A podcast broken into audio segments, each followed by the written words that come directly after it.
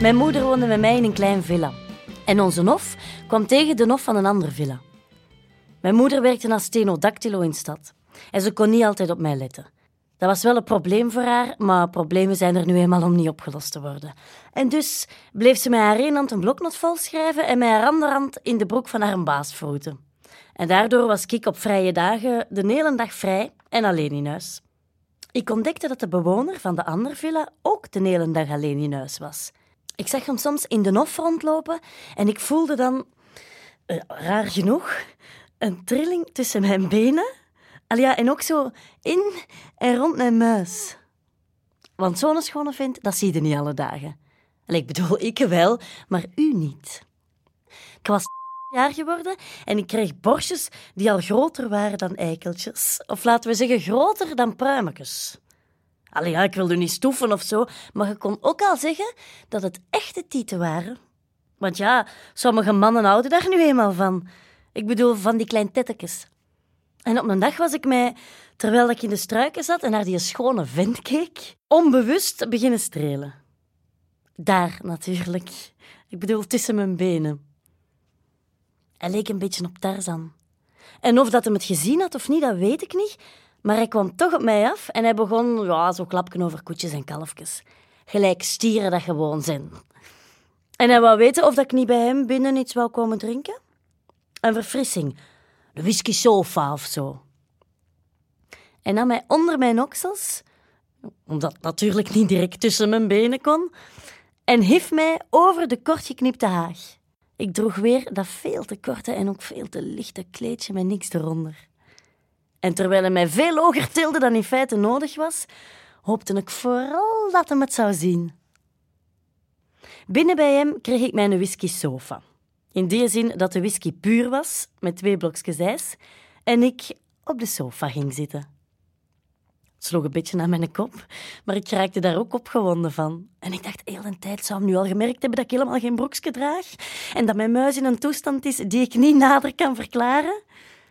En terwijl ik daar op die sofa zat, begon ik te draaien en te keren met mijn benen, totdat ik uiteindelijk helemaal open en bloot lag.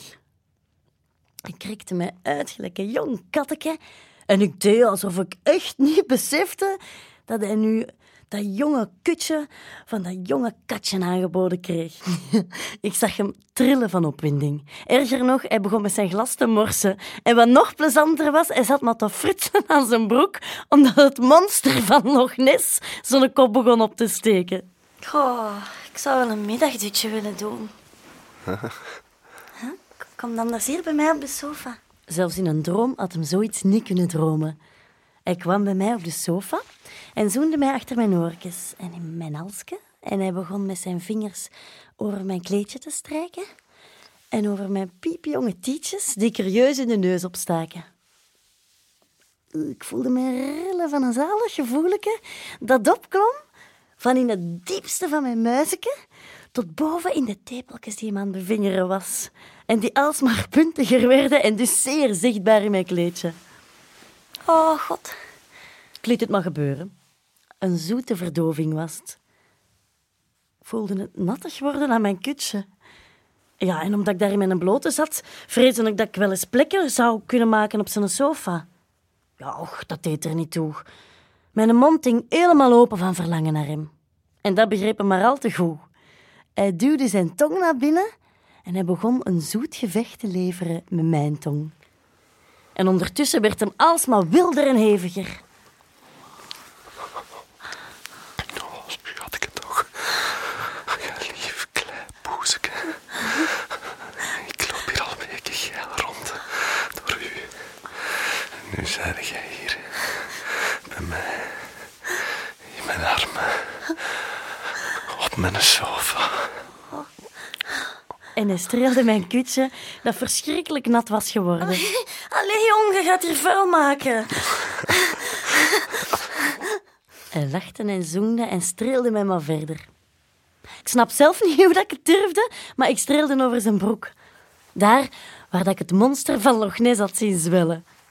En knoopje na knoopje maakte ik zijn broek los en voelde ik het voorhistorisch monster naar buiten wippen.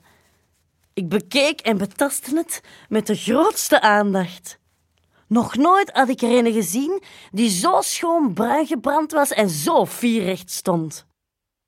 Hij wou weten of ik met hem naar bed durfde te gaan, om daar zo bloot als het maar kon naast elkaar te liggen. En mijn zoentjes te geven, overal wat ik het maar wou.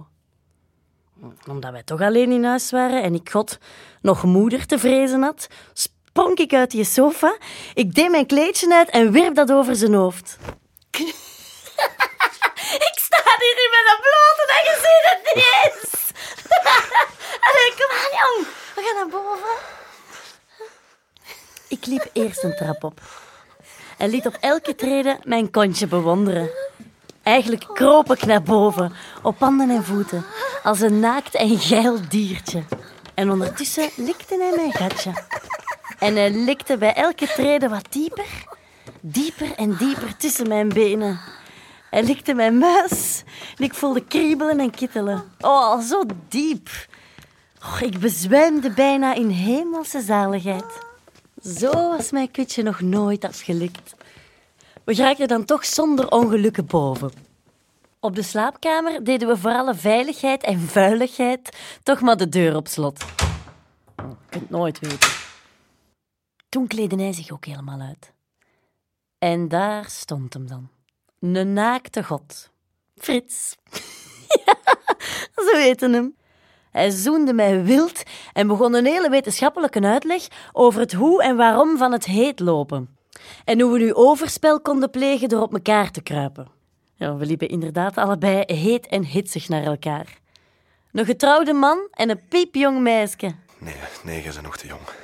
Volgend jaar dan kruipen wij elke dag op elkaar. Twee, drie keer per dag als het moet. Maar nu, nu zet jij nog, bent nog te jong. Nu mocht ik alleen op zijn gezicht gaan zitten. Met mijn nat kutje op zijn mond. Hij vergeleek mijn kutje met een bloem uit de hof. Ik weet niet meer welke, maar het was in ieder geval de allermooiste. Misschien een frivooltje? Alhoewel ze toch meer ruikt naar een mosseltje. Hij likte mijn frivooltje van een mosseltje. En ondertussen bevingerde hij ook nog mijn strontolletje. Ik voelde dat er iets zou gebeuren met mij. Iets nog veel erger dan een plasje in de sofa. Ik spande alle spieren van mijn buiksken om nog wat tegen te houden, maar het ging niet. Oh nee! Oh, godverdamme! Oh, Ja, ik kan me echt niet schelen hoe hard ik het eruit gooide. Ik wrong en wreef mijn muis tegen zijn gulzige mond. Mijn geil spot eruit, weg uit mijn mossel en in zijn gezicht. Een fontein van geil, waarvan hij dronk alsof het whisky met pruimensap was. En of je het wilt geloven of niet, maar ik verloor bewustzijn. En toen ik na een tijdje mijn ogen terug opendeed, zag ik dat ik in zijn armen lag. En voelde ik dat ik weer gezoend en gelikt werd. Op en in mijn mond, achter mijn oren, aan mijn jonge borstjes. De hele middag bleven wij daar liggen, elkaar zoenend en strelend. Jij, jij bent het enige vrouwtje ter wereld waar dan mijn fluit nog stijf voor wil staan. En die middag bleef het bij dat stijf staan. En dat was het.